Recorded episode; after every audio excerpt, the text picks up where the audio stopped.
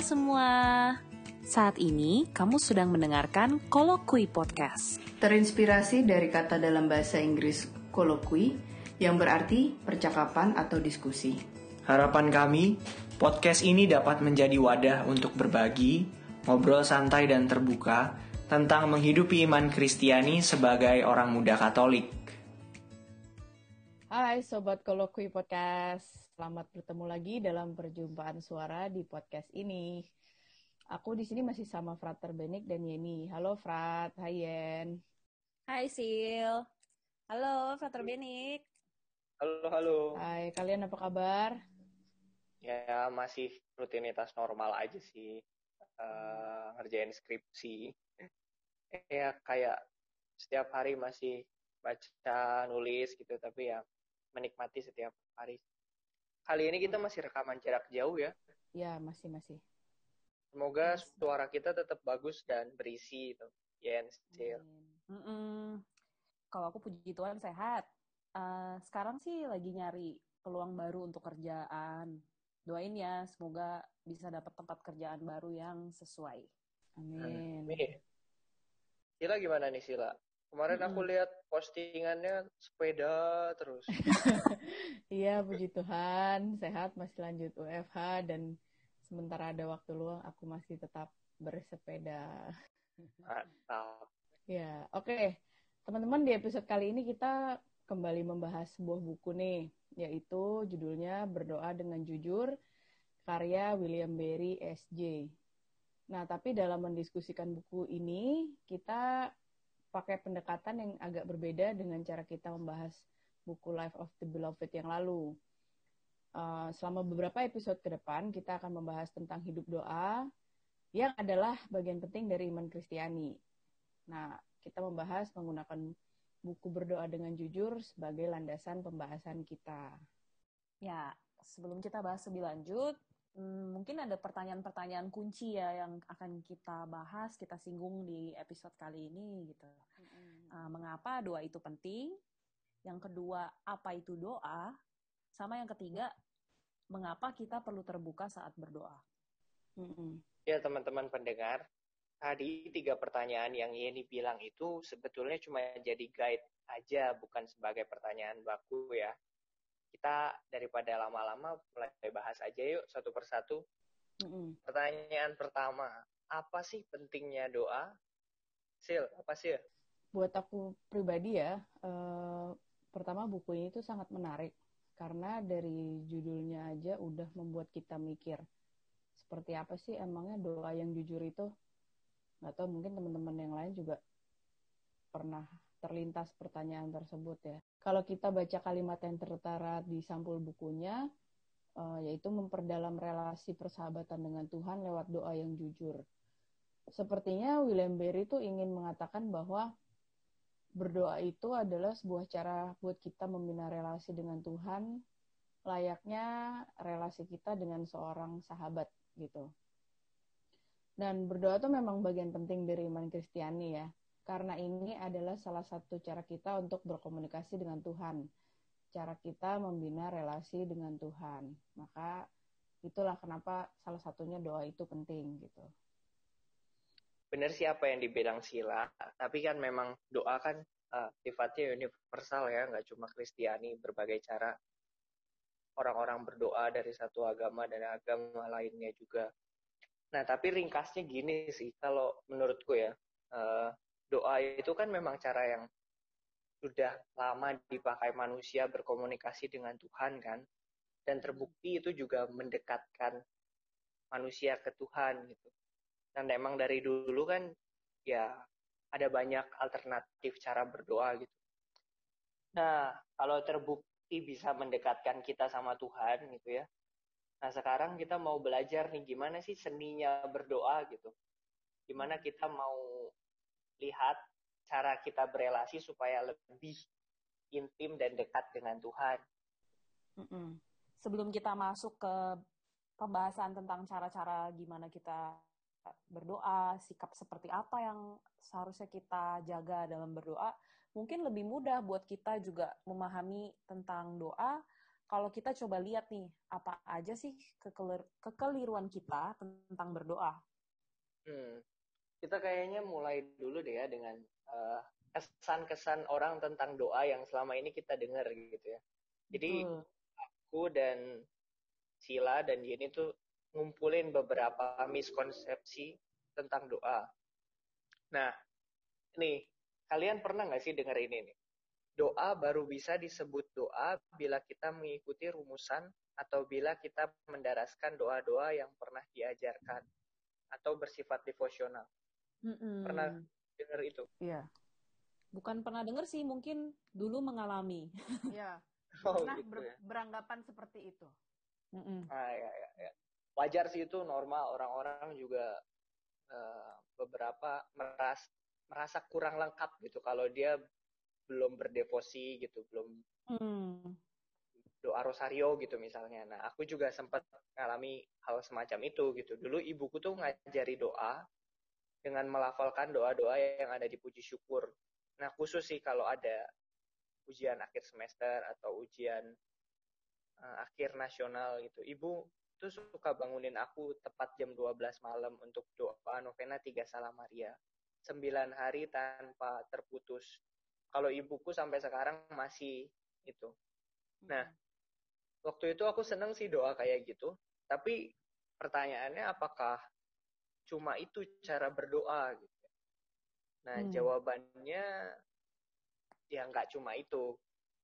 Karena semakin hari aku juga semakin ketemu alternatif doa lain gitu. Banyak banget cara yang bisa kita pakai. Hmm. Bersyukur juga karena di Katolik ini juga ada banyak cara-cara gitu. Misalnya ada yang kontemplatif, membayangkan narasi dalam kitab suci. Ada hmm. juga yang bentuknya puji-pujian, seperti karismatik gitu ya devosi hmm. pada Roh Kudus. Jadi sebenarnya singkatnya ya doa memang nggak selalu harus ikut rumusan yang baku. Setuju atau enggak? Ya, setuju. Nah, iya, tapi Frat bukan berarti dengan demikian kita meninggalkan yang udah ada rumusannya juga ya, Frat ya. Mm -mm, mm -mm. Rumusan itu kan juga penting gitu, tapi ada uh, yang lain yang bisa kita pakai. Gitu loh. Nah, yang kedua nih yang kita temukan yaitu kalau permohonan nggak dikabulin, berarti Tuhan nggak dengerin doa kita atau doa kita tuh artinya gagal. Orang-orang suka uh, kecewa, putus asa gitu kalau berulang kali berdoa tapi tidak dikabulkan doanya. Uh, pertanyaannya kayaknya perlu dibalik deh, aku rasa ya. Apakah hmm. kebaikan Tuhan hanya diukur lewat berhasil atau gagalnya doa kita? kan ya nggak juga ya Tuhan tuh hmm. masih tetap baik meskipun misalnya doa-doa kita nggak dikabulkan dan hmm. memang apakah ukuran keberhasilan kita juga sama dengan ukurannya Tuhan uh, kalau aku juga percayanya gini sih kalau Tuhan kita percaya ada di sekitar kita nah bukannya juga dia selalu mendengarkan doa hmm. itu bukan gagal atau berhasil tapi komunikasi saling mengerti antara aku dan Tuhan dan uh, kalian di masa pandemi ini suka beli barang online nggak? Lumayan, apa-apa jadi beli online terus. Jadi makin sering. Ya? Iya, karena kan nggak bisa keluar-keluar. Lebih tepatnya mengurangi um, keluar-keluar sih. Belanja yang esensial nah, aja. Nah iya itu. Bener, sama kayak halnya transaksi gitu ya. Belanja hmm. entah online, entah langsung. Kalau kita ngelihat doa itu berhasil, kalau memang dikabulkan ya namanya transaksi jual beli aja gitu ya. Hmm. Kita misalnya doa tiga jam pengen tiga juta gitu dapat yang nggak mungkin juga kan kayak gitu. Hmm, hmm, hmm. Nah jadi kesimpulannya dari miskonsepsi kayak gitu ya doa memang bukan berhasil atau gagal gitu. Doa adalah sebuah relasi. Iya betul. Betul banget. Tadi lucu ya, kamu perumpamaannya tuh pakai transaksi belanja online. Kalau belanja online, terus ternyata produk gak sesuai, kita bisa komplain ya sama penjual. Kalau berdoa, masa kita mau komplain gitu. Dan memang benar kamu tadi pertanyaannya. Um, kalau kita ngomong berhasil ya sukses gitu. Um, sepertinya kan kayak budaya kompetitif banget gak sih di lingkungan kerja ya saat ini gitu apa apa tuh selalu um, ditakar dengan kesuksesan seseorang. Apa pun itu takaran yang mereka atau kita bisa pakaikan gitu. Misalnya, oh kalau aku sukses, aku berhasil, yaitu membanggakan orang tuaku, aku bisa traveling, bisa punya kerjaan yang berapa digit gitu-gitu kan. Semua orang punya standar keberhasilan sendiri. Pertanyaan kamu tuh bener sih, jadi mungkin ini bisa kita tanyakan ke diri kita terus gitu keberhasilan seperti apa yang kita lihat sih sebenarnya selama ini gitu mungkin nggak semua miskonsepsi yang tadi kita bahas juga akan selalu terjawab atau diluruskan di rekaman kali ini ya bisa aja nanti kita ada saling bertanya satu sama lain tentang yang kita pikirin tapi baru kita akan bahas di episode-episode mendatang. Iya, betul. Nah, Kes, doa adalah relasi itu yang bukan soal gagal atau berhasil. Baru aku pahami waktu aku udah lebih dewasa. Hmm. dari kecil sampai masa sekolah lah gitu. Aku cuma taunya itu tuh kewajiban. Kayak tadi Frater Benik bilang oh ya berdoa bareng ibu gitu. Tanpa karena nggak ada pengenalan akan pribadi. Siapa sih? Kepada siapa aku berdoa? Siapa itu Allah Bapa? Siapa itu Allah Putra? Allah Roh Kudus? Cuma sejauh dalam doa aku memohon Tuhan mendengar Tuhan menjawab doa-doa aku gitu. Kalau nggak ada kebutuhan khusus tuh berarti aku nggak usah berdoa. Ah ini ya ini mewakili kebiasaan kita kita juga nih. Cuma datang ke Tuhan kalau ada maunya. Iya nih. Ya mungkin aku juga mikir gini tuh karena kebawa sejak kecil kalau dengar di gereja di doa umat ya suka ada pengumuman kan syukur atas terkabulnya doa novena tiga sama Maria atau doa novena lain dan ekor-ekornya tuh selalu ada kayak keberhasilan sesuatu dari doa sesuatu yang terwujud misalnya masuk universitas mana, ada yang lulus, ada yang berhasil ujian atau menyelesaikan sebuah perkara, apa pun deh gitu yang diajukan di dalam doa novena. Nah, karena nggak pernah dijelaskan lebih jauh gitu sebenarnya untuk apa sih doa novena dulu dan kenapa diumumkan seperti itu. Mungkin tanpa sadar gitu dengan tangkapan yang terbatas waktu aku masih lebih muda gitu ya jadi keliru. Jadi aku melihatnya doa ya sebagai transaksi yang tadi kamu bilang. Jadi Tuhan hmm. seperti ATM, datang cuma kalau butuh uang.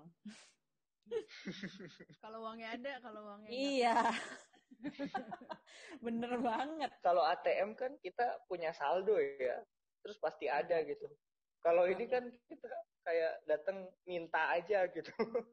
Nah itu kalau ibaratnya kalau seperti ini berarti ibaratnya ketika kita ngambil uang saldonya tidak cukup gitu kan.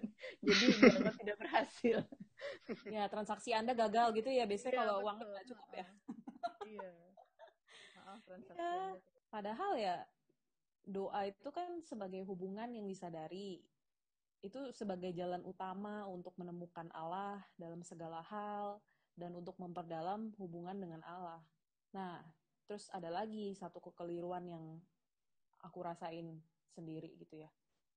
Sampai beberapa tahun lalu yang kukira namanya berdua itu harus lembut begitu. Ngomongannya harus kayak berdaham-daham, kayak ada desah dikit gitu. Ya Tuhan.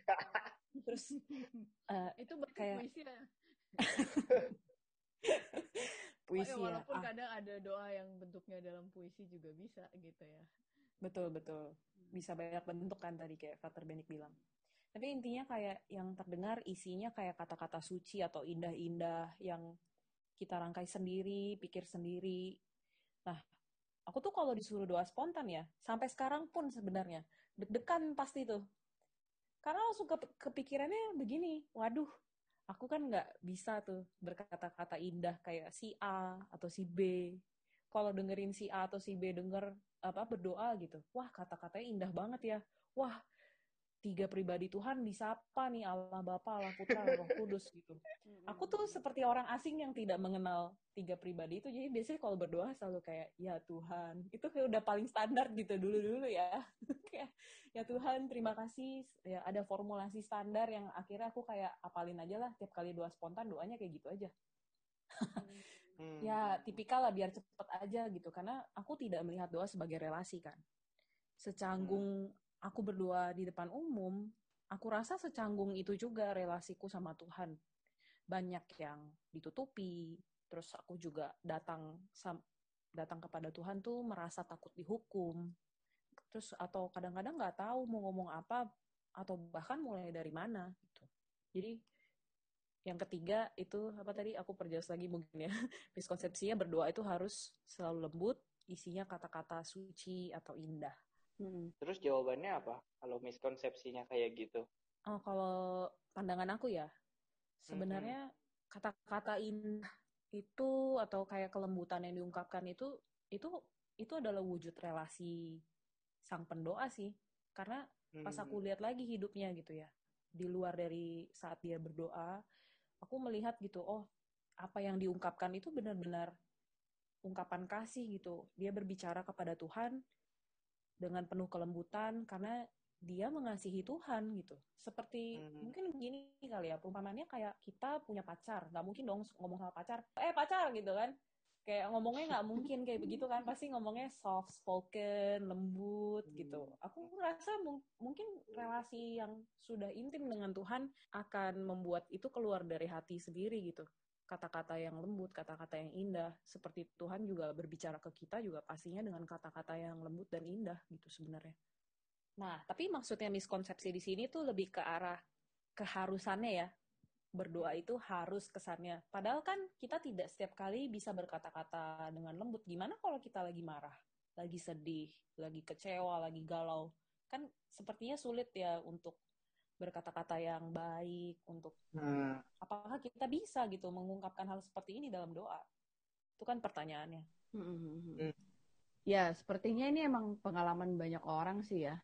Aku pun pernah mengalami hal yang serupa tapi kalau dari ketiga miskonsepsi yang tadi udah dibahas sebelumnya, eh, cenderung tuh aku lebih relate dengan miskonsepsi yang pertama, yaitu di mana aku sekedar doa mendaraskan doa-doa hafalan tanpa menghayati kata-kata dan isi doa tersebut gitu. Hmm. Um, sering juga kadang aku doa tuh cenderung monolog, di mana aku mengungkapkan unek-unek sama Tuhan, ya Tuhan, saya gini gini gini gini gini terus habis itu udah gitu kayak sambat aja gitu kan terus tapi sambat nggak ada apa ya nggak ada ruang atau nggak ada celah yang aku sengaja sediakan untuk Tuhan untuk uh, membalas atau menanggapi apa yang sudah aku ungkapkan gitu. Karena aku udah selesai doa bilang amin buat tanda salib terus langsung ngerjain yang lain atau, atau tidur gitu ya. Biasanya mungkin kalau aku lagi doa sebelum tidur gitu. Biasanya sih kayak gini tuh settingannya malam-malam udah siap tidur uh, terus aku doa uh, doa-doa yang aku hafal terus mengungkapkan hmm. unek-unek dan sambat tadi terus ya oke okay, Tuhan amin kayak yang baik gitu uh, padahal menurut William Berry doa itu tuh sebuah dialog kan Eh, hmm. yaitu percakapan antar sahabat. Nah, lalu aku tuh sadar tuh kalau caraku kayak gitu, ini nih sama aja seperti aku lagi ada masalah, terus aku telepon nih temanku, eh cerita panjang lebar ke dia gitu kan yang uh, gue lagi ada masalah nih gini gini gini gini. Hmm. Terus pas udah selesai aku bilang, eh ya udah ya udahlah, gue udah selesai cerita gitu. Terus hmm. tutup telepon ke dia, eh tanpa ngasih kesempatan dia untuk menanggapi gitu pasti dia juga mikir kan gini bingung gitu maunya apa sih udah nelpon uh, apa namanya sambat doang gitu ya terus udah gitu gue nggak dikasih kesempatan untuk nanggepin atau gimana gitu ya pasti bingung dia gitu sebenarnya maksudnya aku ngajak ngobrol tuh apa gitu kan kalau kamu emangnya, gimana Frat emangnya dia tembok ya, hmm. ya sih nah itu dia makanya Iya. Uh, Sebenarnya apa yang kamu alami itu juga dialami William Berry loh penulis buku itu.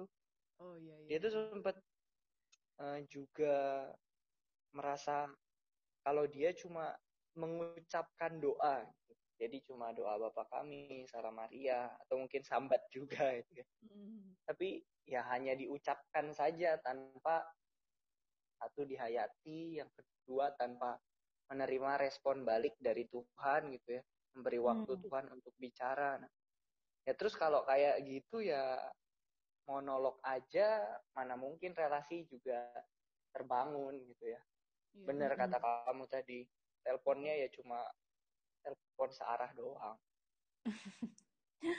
hotline, hotline curhat ya. Bener-bener. Cara pandang yang keliru tentang doa ini banyak melanda ya, banyak melanda orang-orang gitu. Kita sendiri ada masa-masanya ngalamin. Yo, i melanda kali-kali bahasanya formal dikit gue. Terus uh, kalau berdua itu kan berarti kita udah mulai ngomongin ya berdua itu relasi gitu. Mungkin sama kayak kita belajar untuk bangun hubungan dengan orang terdekat kita, entah pacar, sahabat atau keluarga. Kita kan perlu belajar terus ya tentang komunikasi efektif atau yang tadi Frater Benik bilang tuh art of communication ya, seni komunikasi. Dan ya namanya juga komunikasi kan kita perlu memahami satu sama lain, itu makanya di situ seninya kan.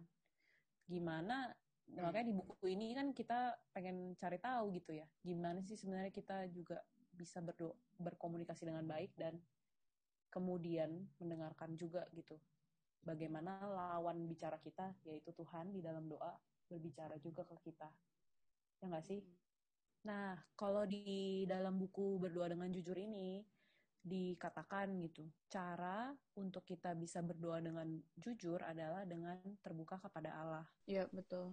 Tapi sebenarnya kenapa sih kita perlu terbuka dalam berdoa? Mungkin hmm. Frater Benik bisa bantu jawab. Uh, aku refer ke bukunya William Berry aja ya. Jadi, uh -uh. keterbukaan satu, dia membangun rasa percaya. Dan dia memang bilang begini, kejujuran adalah fondasi persahabatan. Ya common sense ya. Hmm. Kalau kita mau berelasi dengan siapa pun lah, pasti kita membuka diri kan kepada hmm. orang lain itu kita cerita setidaknya nama saya siapa saya asalnya dari mana dari staraf itu dulu lah mm-hmm. nanti baru ke dalam gitu ya mm-hmm. saya sebenarnya saya itu adalah orang yang pemalu atau misalnya saya punya masalah dalam hal kepercayaan diri itu kan tarafnya lebih dalam lagi gitu nah sama kalau sama Tuhan juga ya perlu terbuka juga kalau kita ngerasain apa ya bilang. Maka ya mana mungkin bisa saling mengenal sama Tuhan gitu. Kalau kita nggak memulai dulu gitu keterbukaan dari sisi kita. Terus setuju nggak? Iya setuju setuju setuju. Kalian kalau PDKT gitu juga kan? Mau tahu aja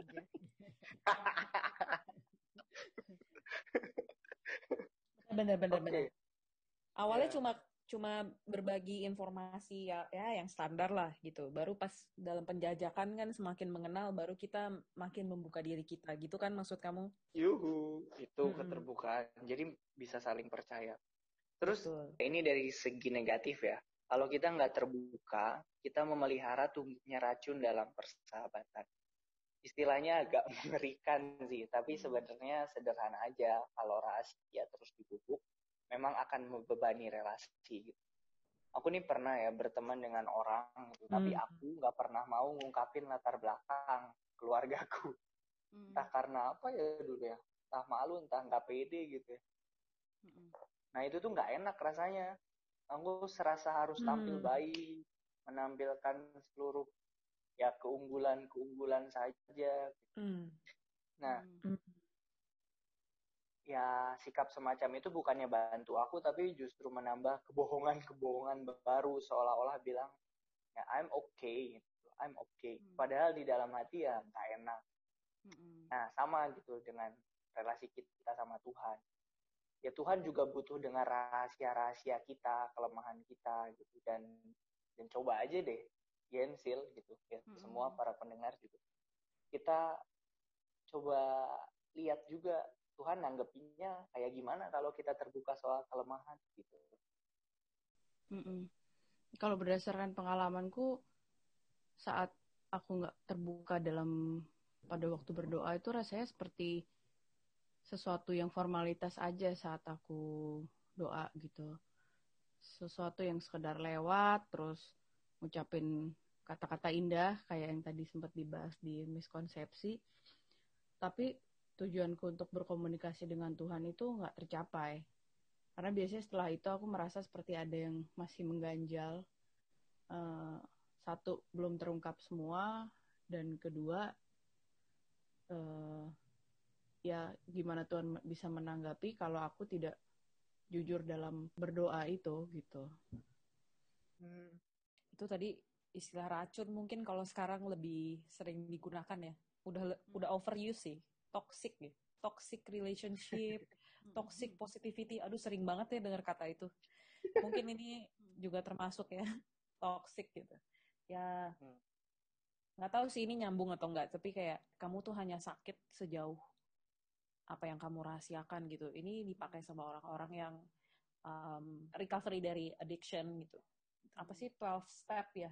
12 step yang anonimus itu alkoholik anonimus atau yang uh, addiction lain. Hmm. Memang kayak kalau um, ada yang dirahasiakan, semakin tidak kita keluarkan, kita tidak jujur sama lingkup konselingnya atau lingkup ya dalam kalau kita ngomongin ini kan dalam doa gitu.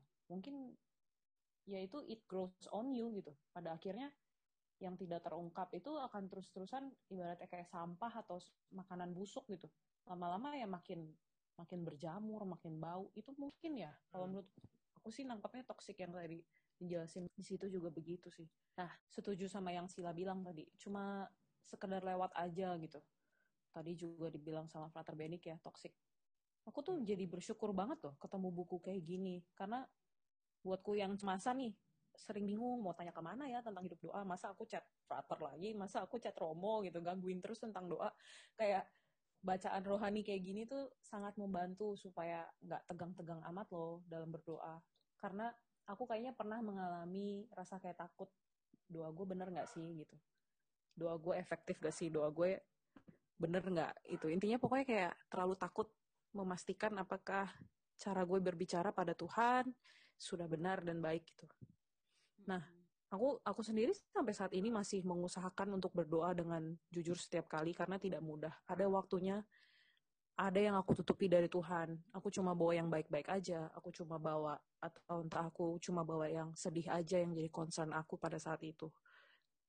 Masih sebuah pembelajaran sampai saat ini untuk tidak memperlakukan relasiku dengan Tuhan seperti transaksi sih. Untuk datang ke Tuhan dalam doa, ya paham benar gitu loh kalau sekarang apa pun sebenarnya yang aku ungkapin tuh bisa diterima sama Tuhan. Tuhan tuh nggak ada.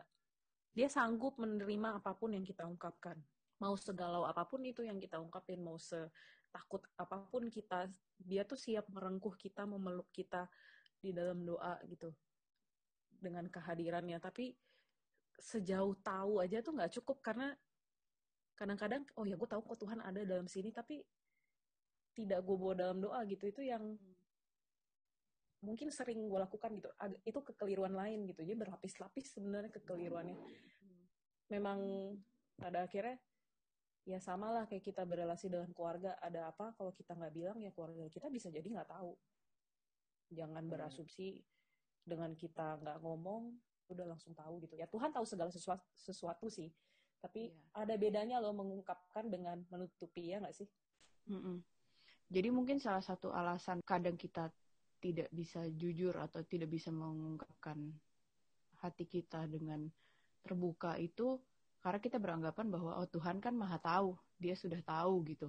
mm -hmm. uh, iya betul, tetapi kita juga tetap harus istilahnya kalau buat aku sih ini justru kayak mempersembahkan apa yang kita miliki gitu dari bagus-bagusnya kita, dari rusak-rusaknya di situlah gitu loh uh, karena relasi kan dengan orang lain itu kayak kita relasi dengan sesama kita sahabat saudara itu kan nggak hanya yang bagus-bagusnya aja kan yang kita share dengan mereka hmm. gitu terus aku juga jadinya inget cerita kemarin loh soal yang Yeni berdoa terus dia ngerasa lebih rela dan melepaskan mantannya itu. Mm -hmm. Nah itu kan emang keterbukaan kita itu akhirnya uh, bukan keperluan Tuhan gitu tapi hmm. karena kita terbuka gitu Tuhan mendengarkan memahami lalu kita jadinya lebih lega lebih ngerasa oh iya ada sosok yang mau mendengarkan dan menerima saya gitu loh jadi hmm. sebenarnya yang butuh untuk terbuka tuh semata-mata bukan Tuhan juga bukan. gitu karena kitanya gitu loh iya. Mm -mm. Justru oke, okay. mungkin uh, balik lagi ke salah satu miskonsepsi yang tadi adalah uh, permohonan kalau nggak dikabulkan berarti doa kita gagal. Deng, apa hmm. ambil contoh doanya Yeni juga yang udah kita bahas waktu itu. Kalau kalau kita ngelihat dengan kacamata seperti itu berarti doanya Yeni waktu itu tuh gagal gitu kan. Karena dia awalnya kan mintanya supaya balik dengan mantannya ternyata doa itu oh, betul gitu kan. Uh, hmm. tapi karena tapi ya, ya ini udah makan sesuatu yang lain gitu. Kalau kita hanya melihat dari kacamata yang miskonsepsi tadi udah kita bahas doanya ya ini gagal tidak didengarkan. Hmm. padahal itu justru sebaliknya gitu loh. Uh, ya ini doanya didengarkan tapi di, diberikan sesuatu yang sebenarnya memang dia dia butuhkan gitu. Bukan betul sekali. atau bukan diharapkan gitu ya, antara ukurannya ini sama ukuran nah, Tuhan beda ya. Itu uh, uh, hmm. balik lagi ke bedanya tolak ukur keberhasilan tadi gitu. Hmm. Luar biasa. Gunakanlah cerita saya selama itu bisa menjelaskan pekerjaan Tuhan ya. Iya, Dan selama itu tidak menyakiti pihak mana pun. Betul, karena saya sudah move on. Justru itu kan maksudnya ya tujuan kita sharing kan untuk itu memberikan uh, insight dan contoh bagaimana Tuhan bekerja di hidup kita. Ya, mau nanggepin dikit nih. Kalau aku tuh pernah ingat satu ayat gitu. Ya, aku nggak ingat di mana ayatnya, tapi aku ingat bunyinya tuh kita tuh nggak tahu sebenarnya gimana caranya berdoa. Tapi roh sendiri yang berdoa untuk kita gitu. Roh Tuhan yang membantu kita untuk berdoa. Mungkin pada saat kita sendiri nggak tahu mesti berbicara apa. Sama Tuhan lagi kering nih hati kita. Mau ngomong apa ya ke Tuhan? Aku nggak tahu. Mungkin kalian pernah nggak sih ngalamin kayak gitu gitu? Mau berdoa tapi nggak tahu mau ngomong apa Tuhan gitu. Iya. ya udah datang aja ngomong Tuhan aku nggak tahu mau ngomong apa gitu. Dan pada saat aku yang mengucapkan seperti itu tuh seperti diberi inspirasi seperti di dibawa dipimpin oleh Tuhan dan akhirnya kata-kata yang jadi concern aku keluar gitu. Dulu apa? Hmm. pernah ngalamin? Dulu pernah sih. Apalagi kan di novisiat ya dulu waktu awal-awal jadi frater. Itu kan diwajibkan berdoa kan? Hmm. diwajibkan berdoa di jam-jam tertentu. Kan adalah pasti masa-masa gak pengen berdoa sama sekali kan? Hmm. tapi harus tetap duduk dan ketemu sama Tuhan. Ya itulah rasanya. Ya udah Tuhan saya pengen duduk aja gitu loh bareng sama kamu. Mm-mm, bahkan nah, effort, effort yang seminim itu aja tuh bisa berbuah gitu. Itu yang mm-mm. menurut aku udah bukan bukan ngomongin kesuksesan kegagalan lagi gitu, benar-benar sebuah relasi. Tapi emang ada poin penting juga sih di situ soal relasi. Kan hmm. relasi antara kita sama sahabat atau kita sama pasangan gitu ya kan nggak selalu ngobrol terus ya ada saat-saat diam juga saat-saat ya udah menikmati waktu bersama tanpa bicara itu kan juga salah satu keintiman juga gitu dalam hmm, berelasi betul. dengan Tuhan. Iya benar. Uh, sebenarnya itu nyambung sama poin yang mau aku bahas berikutnya nih. Di bukunya William Berry itu juga dia menyarankan ada beberapa langkah awal yang bisa kita lakukan gitu untuk lebih memudahkan kita dalam komunikasi kita dengan Tuhan. Apa aja tuh? Nah, nah iya. Pertama, uh, jadi ada empat langkah awal gitu ya. Hmm. Uh, yang pertama, cari tempat yang nyaman untuk berdoa. Uh, tidak harus hening yang sama sekali nggak ada suara gitu ya. Tapi nyaman untuk itu jadi waktu kita sendiri gitu. Bisa dalam posisi duduk atau sambil berjalan. Hmm yang penting kita e, nyaman. Lalu yang kedua, arahkan hati kita kepada Tuhan, mohon penyertaan dan rahmat hmm. e, untuk bisa menyampaikan apa yang kita ingin sampaikan, gitu. Hmm. Bisa kita bayangkan Tuhan bertanya, apa yang kamu cari dalam doa? Lalu yang berikutnya, udah kita menikmati apa pun yang terjadi dalam doa itu bisa mulai dari perasaan kita, mulai hmm. dari ya perasaan, suasana hati atau hal-hal yang ingin kita ungkapkan gitu ya. Dan ketika melakukan ini sih, aku rasa kita nggak harus selalu bicara gitu ya. Bisa jadi kita kalau nggak tahu mau ngomong apa, ya Tuhan uh, aku hadir gitu hmm. biar roh yang membimbing nah bener dari empat langkah ini cukup sederhana ya untuk kita ingat-ingat. Nanti kalau bingung lagi mau berdoa seperti apa mungkin kita bisa ingat-ingat langkah-langkah ini bisa membantu kita lagi buat uh, ayo tenang gitu berdoa tidak perlu perfect kok nggak perlu sempurna seperti apa yang penting kita hadir gitu kan. Nah mungkin pertanyaan yang akan kita coba jawab juga di episode mendatang gitu ya. Karena kita akan membahas ini dua episode lagi yaitu gimana cara mendengar Tuhan yang menjawab atau berbicara dalam doa kita. Terus gimana kalau kita udah lama nggak berdoa, terus mau berdoa lagi gitu. Terus tadi kita juga udah sempat bahas ya soal terbuka dalam berdoa. Nah, terbuka tuh sejauh apa aja sih yang bisa kita bahas? Apakah perasaan yang baik saja? Perasaan yang seperti apa gitu? Hmm. Nah, kita akan bahas di episode mendatang dari buku Berdoa dengan Jujur bab 6 sampai 12. Kalau teman-teman mau ikutan baca bareng kita, boleh banget bukunya mungkin ada dijual online di marketplace atau bisa langsung beli ke Kanisius. Di kontak aja Kanisiusnya, soalnya aku beli juga langsung dari Kanisius. nah, podcast sudah selesai nih. Seru juga ya pembahasannya kali ini ya. ya Tentang berdoa. Iya udah nggak ngeliat waktu nih. Oke, okay. uh, semoga teman-teman juga menemukan satu dua hal yang menarik yang bisa disimpan buat jadi bekal ke depan dan kalau misalnya ada pertanyaan atau miskonsepsi yang kalian temukan juga bisa loh DM juga kita, kontak kita di Instagram juga bisa. Nah, ya. bisa juga kalian bagikan ke teman-teman kalian podcast kita di episode ini dan yuk follow kami di Kolokui Podcast at Kolokui Podcast dan di platform favorit yang kalian pakai untuk dengerin podcast biar langsung dapat notif kalau ada episode baru. Oke, Yeni dan Frater, terima kasih untuk waktunya buat teman-teman juga. Sampai jumpa di episode berikutnya. Semoga Tuhan memberkati dan menyertai kita semua. Amin. Dadah. Dadah.